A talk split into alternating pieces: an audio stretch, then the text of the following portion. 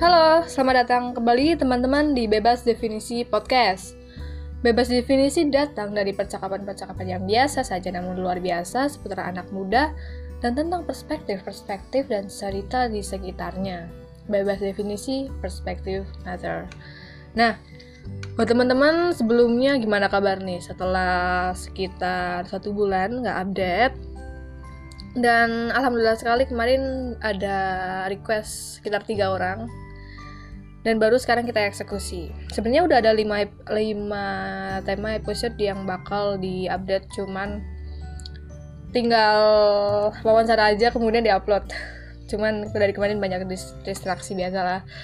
Dan buat tema kali ini bakal ngebahas tema request requestan dari salah satu pendengar yang jumlahnya cuma tiga.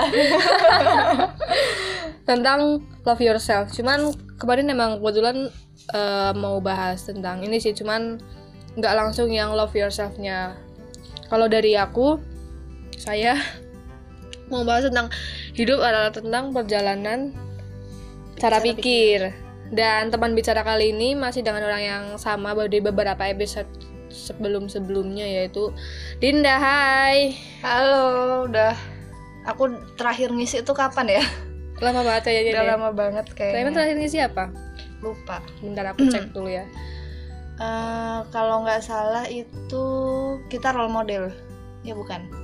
Iya, Maret 26 Lama Tuh, banget, kan? lama banget. Gak apa-apa lah ya. Mei, Juni, Juli. Nah. Ini bulan keempat. Baru mulai lagi. Nah, tema kali ini kan tentang hidup adalah perjalanan cara pikir Jadi ini terinspirasi dari pengalaman saya sendiri sih uh, pada waktu usia 14 berpikirnya kayak gimana, kemudian pada waktu usia 17 gimana dan sekarang bagaimana cara berpikirnya itu beda. Dua cara melihat dunia itu beda dan itu tentunya melewati proses yang panjang kemudian ada uh, ling faktor lingkungan sekitar yang mempengaruhi juga gitu. Uh, nah proses-proses itulah yang membentuk kita uh, mencintai diri sendiri itu gimana gitu. Tapi sekarang kita mau ngobrol-ngobrol ringan aja sih. Nah kalau menurut Dinda nih uh, gimana sih proses mencintai diri sendiri itu gitu? Mungkin kalau aku lihat uh, proses mencintai diri itu uh, ada dua ya. Mencintai diri sendiri secara fisik dan tetap mencintai diri sendiri dalam keadaan buruk gitu. Kalau mencintai diri sendiri secara fisik, kayaknya kita udah beberapa kali uh, sekilas-sekilas bahas di kayak waktu beauty standard, labeling dan lain-lain gitu ya. Iya. Yeah. Dan mungkin jawabanku akan sama aja gitu. Uh, untuk bagaimana mencintai diri sendiri dengan insecurities insecuritiesku gitu. Dan itu adalah menurutku proses yang never ending yang nggak akan pernah selesai, yang akan terus kita lalui gitu. Tapi uh, mungkin sih aku di sini kepengennya uh, ngobrolin uh, bukan kepengen ngobrolin kepengen sharing tentang gimana sih tetap mencintai diri sendiri meskipun dalam keadaan buruk. Oke okay, keren. Gimana gimana tuh? Asik. Misalnya gini uh, kalau aku sendiri itu tumbuh dan uh, besar dalam dunia yang keras. Buset. Dalam arti gini uh, ya, broken home iya abuse juga uh, ada mental illness juga iya gitu loh. Dan salah satu ini buat buat sharing aja ya pelajaran ya maksudnya aku udah nggak dalam fase ini sekarang gitu. Uh, dulu itu sering uh, terpicu untuk self harm alright. Gitu. Pasti kita pernah berpikir dong kalau uh, ketika kita dihadapkan dengan masalah besar dan lain-lain gitu kita sering berpikir bahwa dunia tuh nggak adil ya Tuhan tuh nggak adil ya kayak gitu kenapa kan. harus aku ya gitu? Iya gitu. Why me gitu kan. Dan dari pengalaman-pengalaman itulah aku mikir gimana sih caranya buat tetap mencintai diri sendiri di masa sulit gitu. Dan pasti prosesnya ya nggak instan gitu. Ada beberapa apa sih ya kalau bisa dibilang tahapan uh, stages proses stages, steps. steps untuk cintai diri sendiri gitu. Mungkin kalau aku boleh sharing sih yang pertama stop denial dulu deh. Bahwa kita tuh berhenti mengelak stop deh ngelak bahwa dunia ini tuh dunia ini tuh sebenarnya tuh ya ini tercipta dari binari oposisi gitu. Pagi malam eh, terang gelap baik buruk gitu. Suka nggak suka gitu jadi berhenti mengelak bahwa dengan kenyataan bahwa dunia tuh nggak selamanya baik-baik aja dan akan ada masa di mana kamu susah akan masa ada masa di mana kamu senang pertama stop denial itu dulu bahwa kamu akan selamanya bahagia. Itu tuh nggak kita tuh nggak selamanya bahagia. Terus yang paling penting stop blaming and comparing. Uh, berhenti menyalahkan keadaan atau orang lain atas ketidakmampuan diri melakukan sesuatu tapi kan itu susah tahu nah itu makanya itu proses nah gitu. prosesnya gimana? Kayak misal gini uh, aku sendiri uh, broken home itu kan belum tentu uh, perceraian orang tua gitu kan. Mm -hmm. I've been living my whole life as a broken home child gitu loh. Bahkan ketika orang tanya uh, ketika ada idea bahwa keluarga yang harmonis tuh aku nggak ada gambaran sama sekali gitu loh.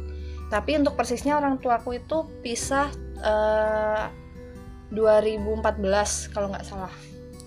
Nah, uh, pada saat itu aku tuh sangat menyalahkan orang tua.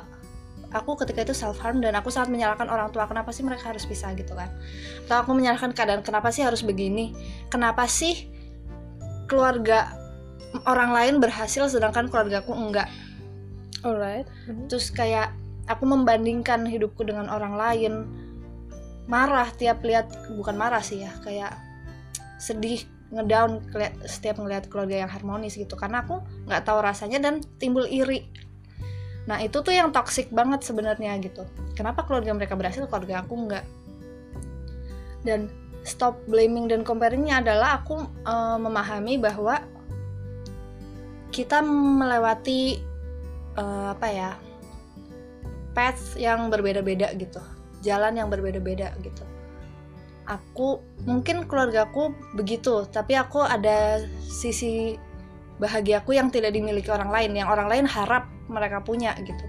Pun sebaliknya ada um, mungkin orang yang apa ya jauh lebih gampangnya kalau kita bilang banyak yang lebih susah banyak yang lebih ini dari aku gitu loh.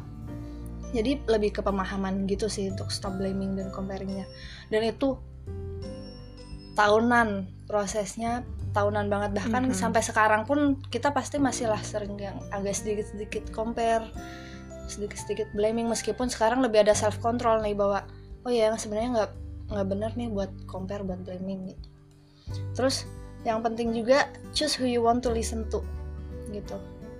Kamu sebenarnya bisa milih dalam keadaan down itu kamu bisa milih siapa yang pengen kamu dengerin karena ada yang mengingatkan karena peduli ada juga yang justru pengen ngejatuhin aja gitu loh. Dan nggak semuanya harus didengarkan.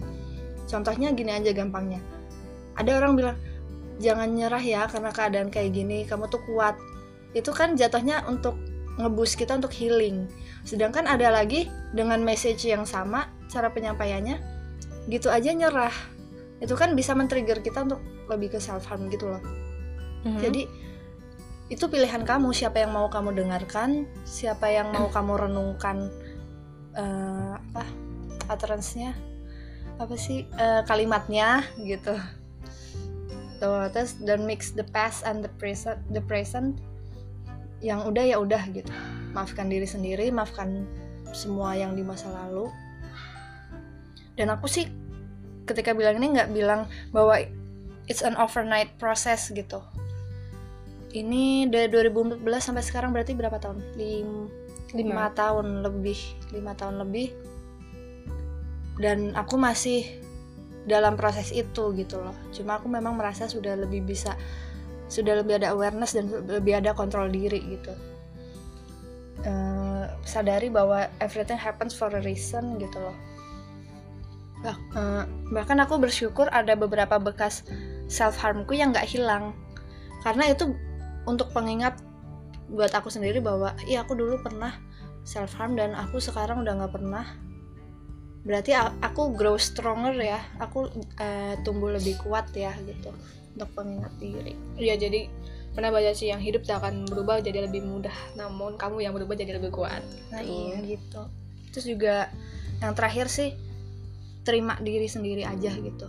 Ya memang uh, keadaannya aku contohnya gini lah uh, ya aku memang uh, ter, uh, broken home gitu kan anak broken home.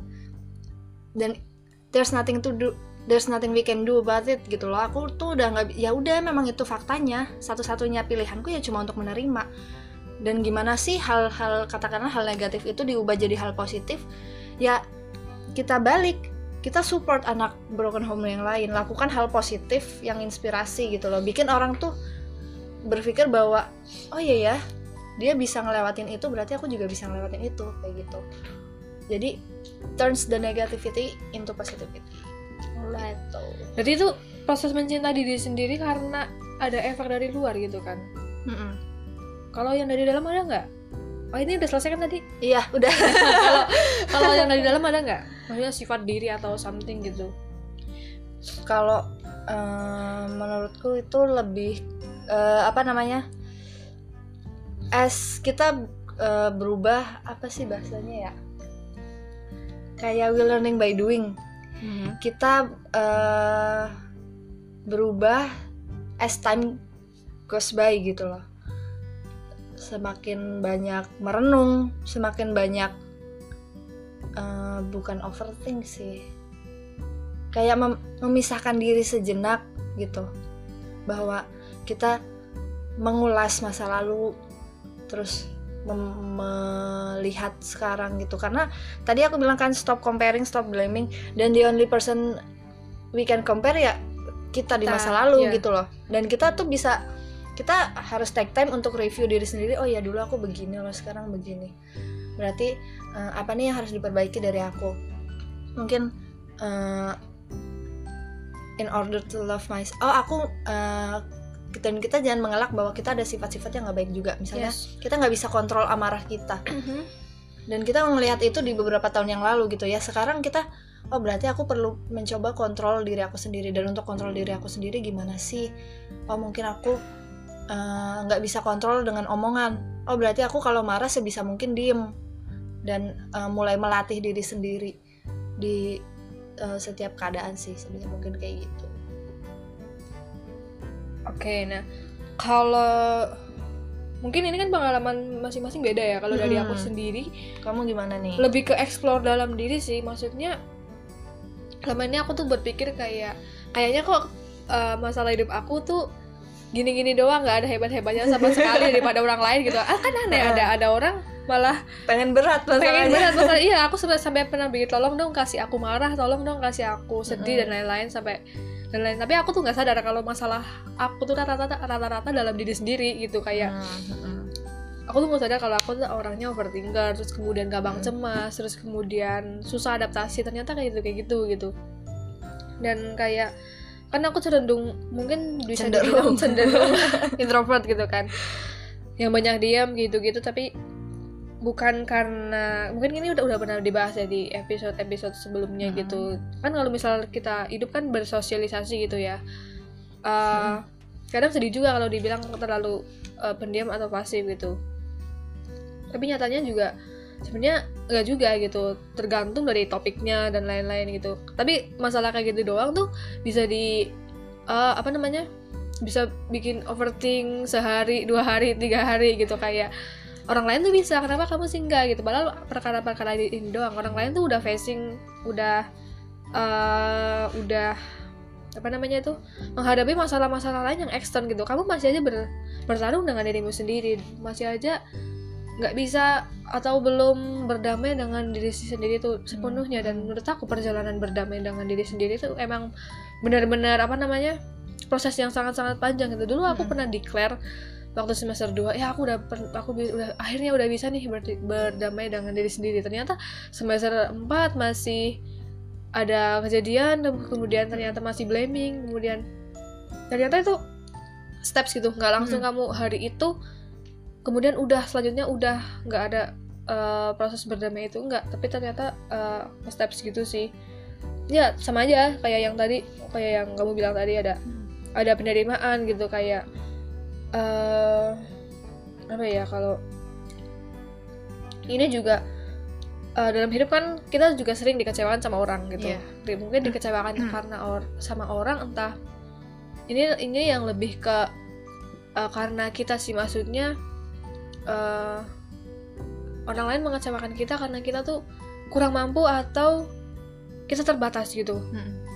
kan karena kekurangan kekurangan kita nah hal pertama yang dilakukan karena uh, kan kita mungkin kalau kayak gitu susah ya memaafkan orang lain gitu Iya. nah dari situ tuh aku dapat insight kalau sebelum kamu memaafkan orang lain secara penuh tuh kamu harus memaafkan dirimu sendiri secara penuh juga gitu kerasa kamu pernah ngerasain gak sih kamu maafin orang lain iya udah aku maafin tapi kalau ada trigger yang ngingetin mas sama masa lalu tuh kayak eh, Masih sakit. iya masih ada gitu Mm-mm. tapi kemudian aku waktu itu nyoba lagi aku maafin diri aku sendiri. Udahlah kamu udah. Berhenti stop. Kamu maafin diri kamu. Kemudian berdamai. Semuanya bakal ada eh, hal lain kok. Maksudnya ada sisi lain ada sisi lain yang baik gitu. Yang di atas sayang kok sama kamu sayang Iya. banget gitu. Dan setelah dari situ kayak kan lega terus mulai kendor mulai kendor. Tuh dengan terus dari itu memaafkan diri memaafkan orang lain tuh gampang banget gitu. Hmm. terus ke- terus tinggal kemarin ngapain sih aku marah-marah? Kayak gitu ternyata. Untuk proses moving on dan lain-lain. Tuh menurut aku proses berdamai dengan diri sendiri itu akan membawa kita menjadi arah or- orang yang lebih bijak Lebih baik, gitu. Heeh. Tapi kenapa sih proses eh, kenapa menurut aku kenapa proses eh, penerimaan diri gitu ya? Mencintai diri sendiri itu proses yang never ending yang nggak ada habisnya itu karena emang circle hidup seperti itu gitu loh. Susah senang, susah senang, susah senang dan setiap susah senang itu akan ada akan ada satu step kita belajar self love lebih dalam gitu loh. Mm-mm. Jadi kayak sekolah SD aja deh kita mungkin eh, ketika kamu tadi bilang semester 2 udah declare bahwa eh, iya ah, sudah mencintai diri sendiri gitu. Mungkin eh, itu kita ada di kelas 1 katakanlah baru naik kelas 2 kita udah declare kita mencintai diri sendiri padahal nanti selanjutnya kita akan terus dihadapkan dengan eh, circle hidup yang susah senang susah senang yang membuat kita semakin belajar bahwa oh ya ternyata mencintai diri sendiri aku eh, masih ada hal-hal yang dari diri sendiri yang masih perlu aku lebih cintai dari sebelumnya gitu. ya jadi karena hidup sendiri kan paradoks ya Hmm. nggak benar nggak salah gitu nah kemarin juga kebetulan baru aja sih semalam baca yang kita suka mengatasnamakan perasaan bahagia ba- perasaan bahagia sampai-sampai perasaan lain dianggap negatif gitu. Hmm. iya aku pernah pernah juga ada di posisi kayak gitu gitu. Kayak em, yang negatif-negatif itu tuh emang bener-bener negatif gitu. Padahal itu ya proses buat kita bahagia gitu. Bagaimana kita akan bertahan di dalamnya ya bagaimana cara kita eh, melewatinya gitu menanggapinya gitu. Nah terus eh, perjalanan boleh dong sharing perjalanan, perjalanan kamu nih dari ma- dari kamu gitu. Udah belum sih tadi? Nah, tadi mungkin iya sa- sama aja sih mungkin lebih ke eh, tadi sih kayak kayak tadi cuma mungkin kadang gini cara menerima diri sendiri ya. Eh, kadang kayak yang tadi aku bilang kadang kita tuh harus sadar bahwa mau ngelak kayak apa pun beberapa keadaan gak bisa diubah. Dan kadang acceptance atau penerimaan tuh menjadi satu-satunya pilihan yang harus kita ambil apa pun konsekuensinya gimana pun sakitnya dan lain-lain gitu loh. Dan itu menjadi salah satu step penerimaan diri yang besar. Kayak misalnya eh, kita tahu lah stigma eh, karena tadi aku nyontohnya broken home kita tahu lah stigma broken home seperti apa Hmm. gitu. Alkohol narkoba bandel nakal pergaulan bebas dan lain-lain. Dan aku pun eh, berfi- aku berpikir gini daripada terus ngedown dengan stigma-stigma itu dengan omongan-omongan orang itu kenapa nggak cari jalan positif buat ngedobrak stigma tersebut dan yang terpenting menjadi bahagia gitu aku pun paham. Aku aku pribadi tuh eh, setelah tahunan eh, me- apa ya maksudnya tahunan mempelajari diri sendiri dan keadaan tuh aku paham bahwa dalam keadaan seperti itu ngedown seperti itu keadaan yang serupa menghindar dari hal-hal yang namanya rokok alkohol pergaulan bebas narkoba dan hal-hal semacam itu tuh hal yang luar biasa sulit dan aku bisa bilang seperti itu ya karena I've been there gitu loh. Aku aku sebelum terjadi itu pun pasti mikir gini kenapa sih kalau orang broken home itu rata-rata mainnya ke alkohol mainnya ke pergaulan bebas. Dan setelah aku mengalami sendiri hal itu tuh memang sangat dekat dengan kita gitu loh. Seolah-olah tuh itu kayak satu-satunya jalan untuk jalan keluar gitu untuk kita ngurangin beban dalam diri gitu tapi yang namanya sulit itu kan bukan berarti nggak bisa bukan berarti Hmm. kita nggak bisa menghindari itu gitu Nah, aku pernah kayaknya dulu pernah ada yang bilang ke aku untuk mengalihkan emosi pada hal-hal yang lebih bermanfaat selagi dalam masa penerimaan dalam arti kadang mungkin eh, ketika emosi kita kan energi dalam diri ada orang yang energinya jadi sangat besar gitu jadi Mm. Energize banget ketika emosi gitu. Ada yang sampai mukul-mukulin orang atau mungkin self harm atau apa segala macam nah oh iya ini eh, guru taekwondoku dulu. Dia bilang ya emosi itu kamu alihkan dengan bela diri seperti ini dengan olahraga dengan hal-hal yang gimana caranya kamu mengeluarkan energi itu tapi dengan cara-cara yang positif. Gitu. Untuk dalam eh, artinya untuk menghindari hal-hal yang seolah-olah yang negatif tadi yang seolah-olah cuma itu jalan keluarnya gitu. Tapi eh, kalau aku sih ngelihatnya semakin kita terbiasa dengan masalah dan menghadapinya ya semakin kekuatan kebijaksanaan dan penerimaan kita juga terasa sih. karena semakin ada setiap ada masalah tuh oh ya kemarin aku gini berarti apa nih yang sekarang harus ditambah? Sabarku kah? Mm-mm. kontrol emosiku kah? Atau apakah Jadi lebih peka ke masalah-masalah sekitar ya, lebih Mm-mm. waspada. Ya kayak Bidi baik sih kemarin pernah bilang juga yang hidup hidup ini bakal mempermainkan kamu tapi kamu jangan mau juga dipermainkan Mm-mm. gitu. Betul. Nah, tadi kan yang kamu bilang ya yang penerimaan emang bisa dibilang jalan satu-satunya gitu. Mungkin ada yang berpikir juga kenapa sih harus menerima menerima kata kan pasrah sama keadaan Iya, uh, sama dengan dengan kalah gitu. Kita kok kayaknya kok kita nggak fight hard, nggak nggak melawan gitu, terus nggak mau jadi yang menang. Tapi sebenarnya nggak juga. Proses justru proses memenangkan ya karena apa ya? Karena kamu tuh menerima meren- merendah serendah rendahnya menerima kamu masalah itu itu tuh kayak kamu udah menang tapi dengan cara yang apa ya cara yang halus kemudian cara yang kamu tuh nggak perlu yang rushing banget yang terburu-buru yang membabi buta gitu justru itulah uh, cara apa namanya melawan kayak gitu. Aku tuh pernah dengar uh, Mm. obrolan gini loh. Apa misal contoh aja nih. Kamu miskin. Contoh aja kamu, miskin. kamu tuh miskin banget. Terus uh, yang ada di pikiran kamu tuh mencuri buat buat survive Mm. biar kamu nggak miskin. Padahal penerimaan itu bukan berarti kita ya udahlah kita miskin aja pasrah aja miskin terus hidupnya. Nggak gitu juga. Kita menerima bahwa oh ya kita miskin ada dua jalan nih mencuri atau bekerja keras tapi kan mau baik jalan yang positif mau negatif step awal banget itu kan penerimaan bahwa iya saya menyadari keadaan saya seperti ini gitu loh jadi eh, menerima dan pasrah pasrah yang nggak ada usahanya eh, sedikit ya? beda iya beda jadi aku. menerima terus kemudian usaha ada usaha lain gitu kan Mm-mm. Jadi emang penerimaan itu emang bukan hal yang mudah tapi bukan hal yang sulit juga untuk dimulai ya nggak sih bukan yang nggak mungkin Iya gitu. Nah kemudian, hmm,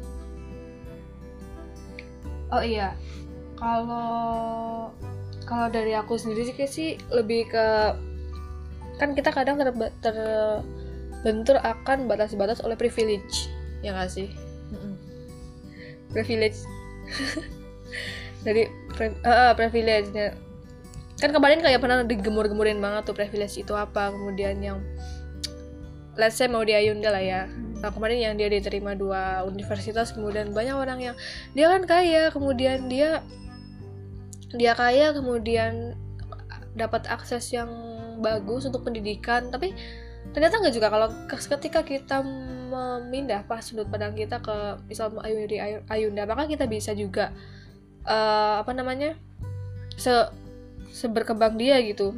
Karena kan proses ya bisa dikatakan Mayuda Ayunda punya, punya privilege itu tapi kan dia juga berusaha gitu. Nggak Iya, mungkin dia benar. berkembang sejauh itu kalau dia sendiri juga tanpa usaha kayak gitu loh. Nah privilege ini kan berbicara tentang keterbatasan keterbatasan kita kan. Kekurangan kekurangan yang emang nggak bisa kita apa ya namanya kayak kayak akses orang lain bisa dapat tapi kita enggak tapi sebenarnya privilege itu menurutmu bisa diperjuangkan nggak sih? Ehm, aku lebih suka malah justru mendengar itu privilege yang diperjuangkan. Hmm, Gitu. pejuang privilege. Iya, jadi eh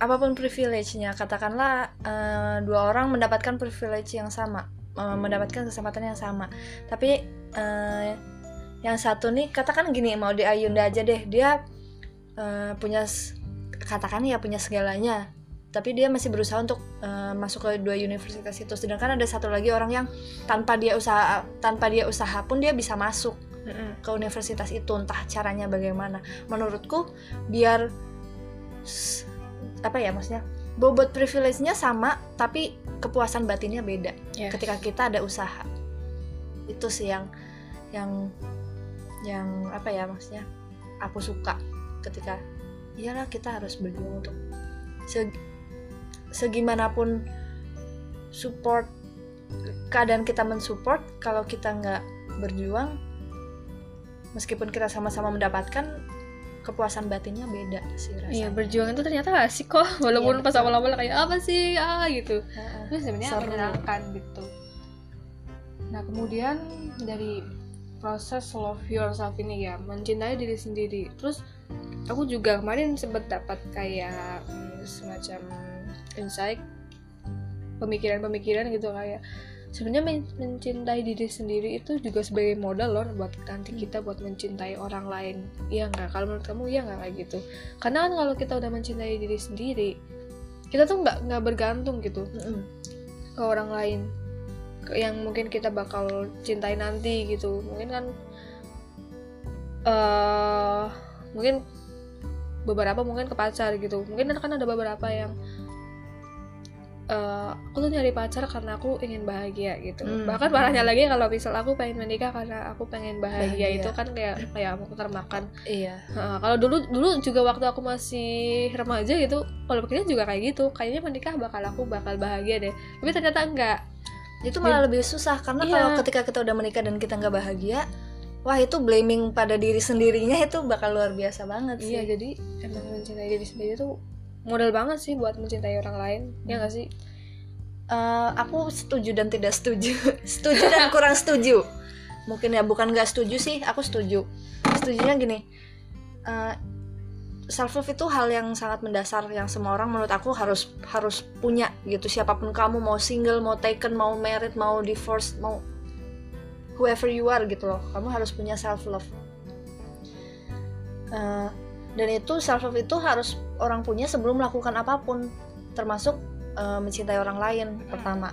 Kedua self love itu pondasi hati gitu. Kalau kita udah mencintai diri sendiri ketika kita mencintai orang yang salah kemudian kita ditinggalkan kita tuh bisa membangkitkan diri sendiri loh instead of kayak cuma merutuki keadaan gitu. Karena kita udah punya dasar bahwa oh ya ya I'm worth it kok aku deserve better kok.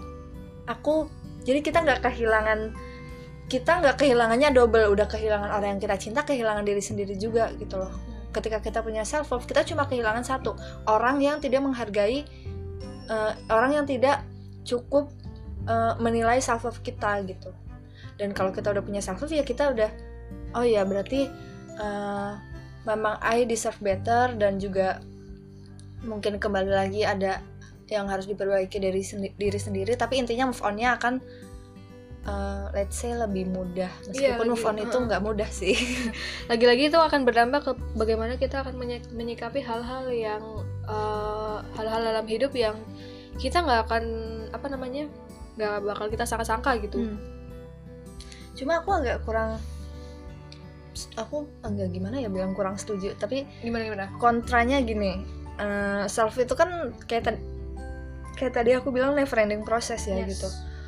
Eh, kadang aku sering mendengar cerita, nggak sering sih. Ada beberapa orang yang keep repeating the stories that mereka itu nggak lah aku mau mencintai diri sendiri dulu sebelum mencintai orang lain dan Hmm. menurutku eh, itu pemahaman yang sedikit keliru gitu loh karena self love itu bentar never mungkin ending proses. mungkin dia orangnya baru itu baru move on. baru putus. Baru baru ditolong Baru ditinggal.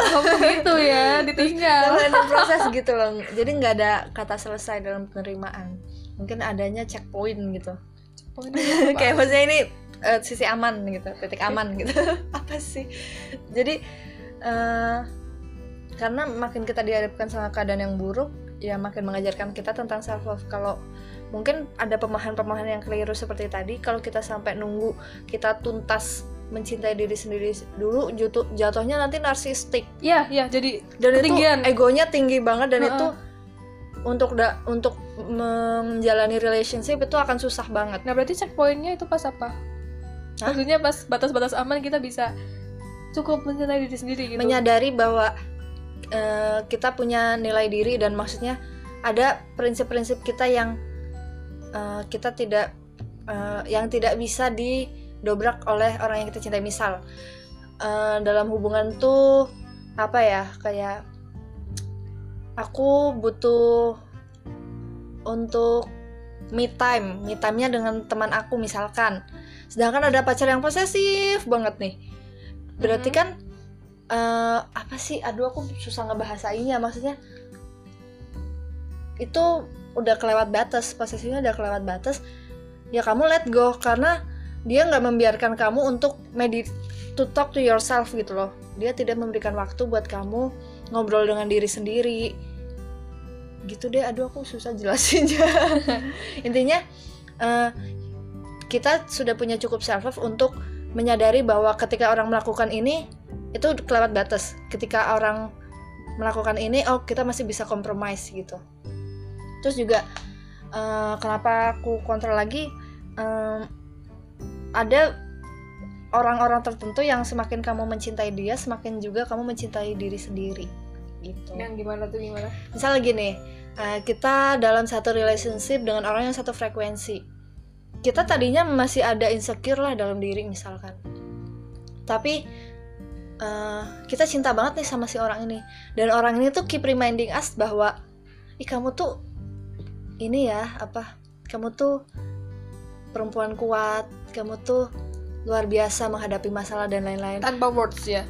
iya Maksudnya tanpa kamu tuh bener-bener hebat gitu. dia genuinely menyampaikan itu ke kita dan itu membuat kita sadar oh iya ya aku patut mengap- mengapresiasi diri sendiri untuk kekuatanku untuk untuk semua masalah yang aku berhasil lewati gitu dan ada orang-orang tertentu kadang kan kita nggak sadar Mhm. wor- our eh, kita word kita gitu loh dan ada orang-orang tertentu yang semakin kita mencintai dia karena dia juga mencintai kita somehow semakin kita mencintai dia semakin kita mencintai diri kita sendiri karena kita melihat a better version of ourselves through him Pengalaman Gitu. ya, Bu? kayaknya nggak relate ya ibu ya belum Belum, belum, belum, relate belum. gitu Eh, tapi maksudnya Maaf nggak aku- relate. Tapi aku juga pernah denger yang kayak gitu juga cuma aku lupa dari youtuber siapa gitu ya the more I love uh, him the more I love myself gitu Oke. Kemudian dalam penerimaan penerimaan dan berdamai dengan diri sendiri itu kan pasti kita harus menerima yang namanya masa lalu gitu. Betul. Segala luka, segala kekecewaan. segala tetek bengek air mata Nah, itu gimana sih buat menerima masa lalu itu gitu? Diletakkan di tempat yang tepat. Maksudnya ya udah eh, nggak berusaha menghilangkan, nggak berusaha melupakan, tapi diletakkan di tempat yang tepat di mana kita akan bakal, bakal bisa belajar gitu dari situ. Gitu. Hmm. dan menyadari uh, realization menyadari ya Iya maksudnya uh, realize bahwa uh, tanpa kita di masa lalu tanpa masalah di masa lalu kita nggak akan berada di titik yang sekarang gitu misalnya uh, sederhana analoginya sederhana aja kayak misalnya kita nggak akan sarjana kalau kita nggak masuk kuliah tapi kita nggak akan masuk kuliah kalau kita nggak masuk SMA dan seterusnya gitu Yes, that's right. gitu. Jadi itu eh, batu loncatan. Milestone. Gitu. Iya. kalau mm, tadi kan salah satu proses buat um, mencintai diri sendiri kemudian menerima masa lalu itu kan pasti banyak ya banyak eh, apa namanya Cara. banyak iya banyak cara. Ya salah satunya ini bisa melalui platform-platform. Ini kok kayak mau promosi ya. Sebenarnya ini mau Biasa bahas kayak mau bahas itu aja sih. Maksudnya yang bisa didengarkan rekomendasi-rekomendasi gitu buat pertimbangan. Kalau teman-teman di sini juga lagi proses bagaimana sih mencintai diri sendiri? Kamu ada nggak? Kalau aku sih eh, jujur bukan tipe orang yang suka mendengarkan eh, apa ya maksudnya yang terlalu memotivasi ngerti nggak? Kayak mungkin eh, podcast podcast yang literally itu cuma memotivasi kayak bayangkan lima tahun ke depan kamu akan apa? Itu bisnis ya ibu? Gitu. Nggak misalkan dalam diri loh lima tahun ke depan kamu ini maka kamu harus mencintai diri kamu sendiri sejak sekarang dan lain aku tuh I'm not the type of person yang listen tuh kayak gituan gitu. Instead aku enjoy buat mendengarkan cerita yang disampaikan dengan casual dan very raw, raw eh, yang sangat apa adanya gitu loh yang mentah yang apa adanya gitu. Misal kayak eh ini sih nggak nggak yang fokus ke self love sih yang aku dengerin ini. Kayak aku mendengarkan kalau dari Indonesia aku dengernya podcastnya Raditya Dika. Karena di sana kan dia ngobrol sama dia ngobrol aja random santai sama orang-orang gitu yang yang aku suka sih kayak Putri Tanjung dia lebih cerita gimana hidup dia meskipun anak pengusaha kaya raya tapi dia struggle Mm-mm. buat menggapai apa yang dia punya sekarang gitu kan jadi kita mikir loh setelah mendengar gitu tuh oh iya ya dia juga meskipun ya itu meskipun dia punya privilege itu tapi dia tetap ada usaha Mm-mm. nah terus ada Vidi Aldiano yang meskipun terlihat sempurna di layar kaca tapi kan dia juga ada isu-isu tentang uh, mental uh, health-nya dia gitu. Terus ada Rahel V-nya ada Dodit ada banyak deh. Dan itu terus disampaikan dengan sangat casual gitu loh dengan sangat santai. Tapi kalau kita berpikir setelah mendengarkan tuh ngena. Ada ada aja yang bisa diambil gitu. Itu kalau dari Indonesia. Kalau dari luar biasanya aku ngedengerin yang eh, lebih bebas topiknya penyampaiannya ada banyak eh, apa umpatan-umpatannya dan lain-lain. Ketawa ya ketawa nangis ya nangis ngumpat ya ngumpat gitu loh nggak ada nggak yang terlalu di set gitu. Ada aku suka A Girl and Her Mother-in-Law itu punya Alisa Rose. Eh, itu jadi dia sama sama mertuanya kok lucu ya kalau pakai bahasa Indonesia? Sama mertuanya dia bikin podcast gitu. Banyak sih topik bahasan dia. Dia sebenarnya menjawab email-email pendengar gitu. Eh, tapi mostly itu tentang gimana jadi perempuan independen dan kuat terus working on insecurities gimana untuk kita sebisa mungkin eh, mengurangi insecurities dan gimana eh, permasalahan-permasalahan relationship terus juga how to get away from toxic pe- toxic people gitu. Dan itu bener-bener mereka nangis ya nangis apa ya bener-bener pure pendapat mereka gitu. Dan penyampaiannya juga enak diikutin gitu. Terus ada juga aku suka confidently insecure podcast. Itu dari Kelsey. Eh, dia dulu kerja di BuzzFeed. Dia eh, kalau ini sih lebih ke buat pengetahuan umum sih. Kalau yang confidently insecure sama yang terakhir the tripod. Eh, mereka lebih bahas bahas tentang segala hal gitu. Ada style, sex, LGBT, personal struggles, eh, health, cancer dan lain-lain crazy stories. Dan kenapa aku suka ngedengerin yang kayak gitu? Eh, bukan karena di- otaknya ke sana ya Dinda ya tapi aku tuh kepengen melihat gimana sih cara orang di luar sana Mhm. melihat pada satu topik yang sama gitu. Terus eh, kepengen membuka pikiran aja sih. Dan menurutku empat podcast itu sangat cukup membuka pikiran sih. Itu ada podcastnya Raditya Dika A Girl and Her Mother-in-Law punya Alisa Rose Confidently Insecure punya Kelsey dan The Tripod itu punya The Try Guys gitu. Kalau kamu ada nggak platform-platform yang kamu nikmati banyak sih cuman yang paling aku Bebas suka definisi podcast. banget ya itu bebas definisi podcast itu itu sih kayaknya aku udah pernah bilang di mana-mana deh Hmm. menjadi manusia itu yang Iya, iya, paling iya, iya. paling aku suka banget gitu karena sebenarnya mereka bikin itu sederhana-sederhana cuman di kemas demikian lupa tapi kayak langsung masuk ke hati banget gitu kan mereka juga nggak cuma podcast tapi ada juga di YouTube YouTube gitu mereka Mm-mm. juga eh, mengemas banyak perspektif-perspektif dari banyak cerita nggak cuma manusia satu satu jenis satu jenis lagi satu satu, Tipe. satu permasalahan Satu, oh. tipe gitu tapi juga banyak kayak yang eh eh, pokoknya banyak kejadian-kejadian yang mereka alami tapi kita tuh nggak bisa relate maksudnya Mm-mm. eh, mungkin kita lihat masalah mereka tuh begitu berat dan mungkin kita nggak bakal bisa melaluinya gitu. Jadi membuka mata lah ya. Mm-mm, gitu. Pandangan baru. Ya so far paling itu sih menjadi manusia gitu. Yang yang emang puisi puisinya itu bisa tiga empat lima kali aku dengerin gitu. Karena emang sebagus itu gitu. Ini habis ini dapat transferan dari menjadi manusia. Langsung di MK eh, boleh minta rekening gitu. Oke sih gitu nah kayaknya gila 40 menit. Tumben ya asik kita- banget ya kita biasanya ini ya. hai.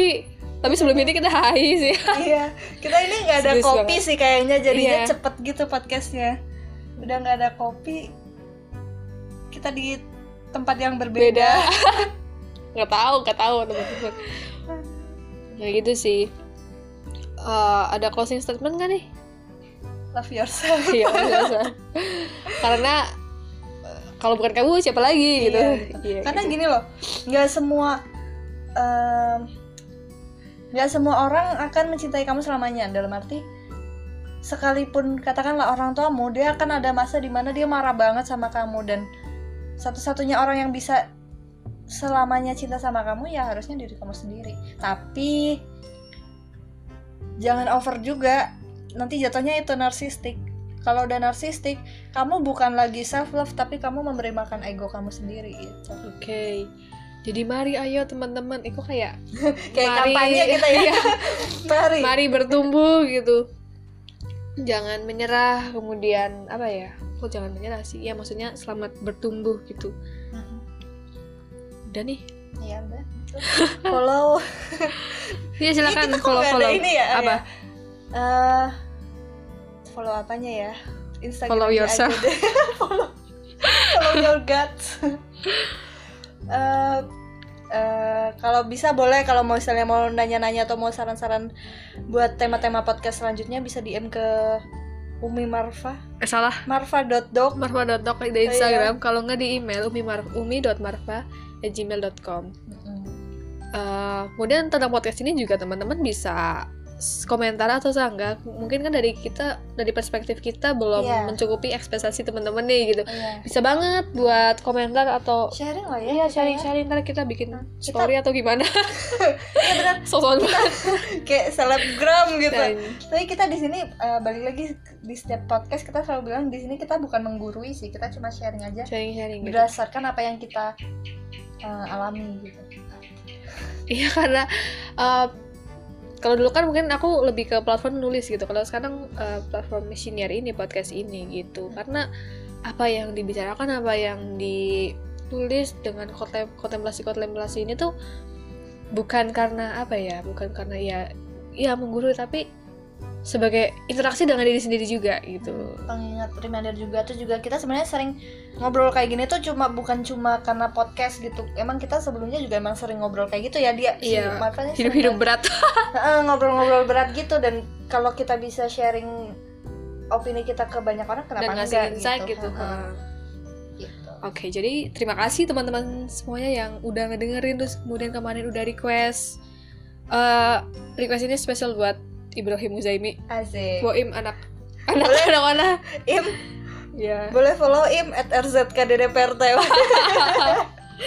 Dan buat teman-teman yang mau request juga, silakan. Kita terbuka asal kita bisa jawab. Ya, Hmm. terima kasih sekali dan mohon maaf jika banyak kekurangan, jika masih banyak nggak Ah, jelasnya. Dan sampai jumpa di podcast-podcast selanjutnya. Dadah.